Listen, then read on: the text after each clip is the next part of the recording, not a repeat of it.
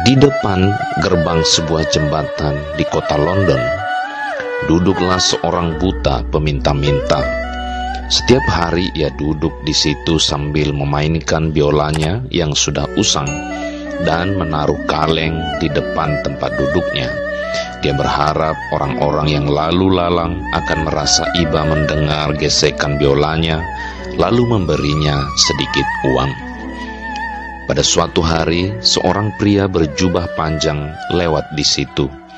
Pria itu memperhatikan si pengemis buta memainkan biolanya, dan ternyata tidak ada seorang pun yang lewat mau memperhatikan si pengemis itu, apalagi memberinya uang. Kemudian pria itu menghampiri si pengemis dan memintanya untuk meminjamkan biola usangnya. Si pengemis buta menolak katanya, Tidak, ini adalah hartaku satu-satunya. Pria tersebut terus membujuk, Hanya untuk sebuah lagu sajalah, katanya. Dengan agak terpaksa, akhirnya si pengemis meminjamkan biola tuanya. Pria berjubah panjang kemudian berbisik, Saya akan beri contoh padamu cara memainkan biola dengan sepenuh hati, dengan sungguh-sungguh menghayati. Kemudian, pria berjubah itu segera mulai memainkan sebuah lagu dengan luar biasa indah dan syahdu. Suara biola tua yang sama bisa menjadi sangat halus dan menyentuh hati, membuat semua orang yang lewat berhenti mereka berkumpul mengelilingi si pemain biola berjubah bersama si pengemis buta. Semua orang terdiam, terhanyut oleh gesekan biolanya. Kerumunan besar semakin banyak. Si pengemis buta pun terkesan dan ternganga. Ia tidak dapat berkata-kata. Kaleng yang tadinya kosong kini telah penuh dengan uang bahkan hingga tidak tertampung.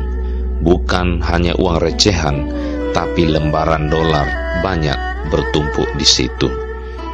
Saking banyaknya orang terhanyut, tidak cuma satu lagu, melainkan beberapa lagu dimainkan oleh si pria berjubah itu. Hingga akhirnya ia harus mengakhiri permainannya. Sambil mengucapkan terima kasih, ia mengembalikan biola kepada si pengemis dan berpesan, "Sekarang pulanglah. Dengan uang yang engkau dapat hari ini, belilah pakaian yang baik, mandi, cukur rambutmu, dan rapikan jenggotmu. Mulai besok bermainlah seperti yang aku katakan dan aku contohkan tadi." Sambil berlinang air mata dan gemetar, si pengemis mengucapkan terima kasih. Pria berjubah hanya tersenyum, lalu beranjak perlahan meninggalkan tempat itu. Keesokan harinya, pengemis buta sudah kembali duduk di tempat yang sama dengan penampilan yang berbeda. Ia memakai setelan jas, rambut dikucir, janggut rapi, dan sedikit aroma parfum yang lembut. Lalu ia mulai memainkan biolanya dengan halus, sepenuh hati meresapi terdengar sungguh indah dan syahdu kali ini. Dalam waktu sebentar saja, orang-orang yang lewat kembali berkerumun menikmati lagu-lagu sambil memasukkan uang ke dalam kotak yang cukup besar, bukan lagi kaleng. Sejak hari itu, si pengemis buta ini tidak lagi disebut peminta-minta, tetapi orang menyebutnya seniman jalanan yang sangat menghibur para pejalan yang lewat. Nasib si pengemis buta sudah berubah, tetapi ia tidak pernah tahu siapa pria berjubah yang telah menolongnya. Apakah saudara ingin tahu siapa pria berjubah panjang itu? Ia adalah Niccolo Paganini, sang maestro biola. Paganini telah memberi bantuan sesuai dengan profesinya. Dia tidak memberi uang, tetapi ia telah memberikan sebuah resep yang sangat berharga. Saudaraku, banyak cara bagi kita untuk bisa menjadi seperti Paganini dalam membantu orang lain. Lakukanlah sesuai dengan kemampuan dan talenta kita.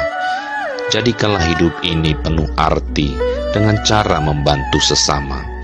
Kebahagiaan sesungguhnya adalah bukan berapa banyak orang mengenal kita, melainkan berapa banyak orang-orang yang hidupnya menjadi bahagia karena kita. Kiranya hidup kita boleh menjadi berkat dan bermanfaat bagi banyak orang.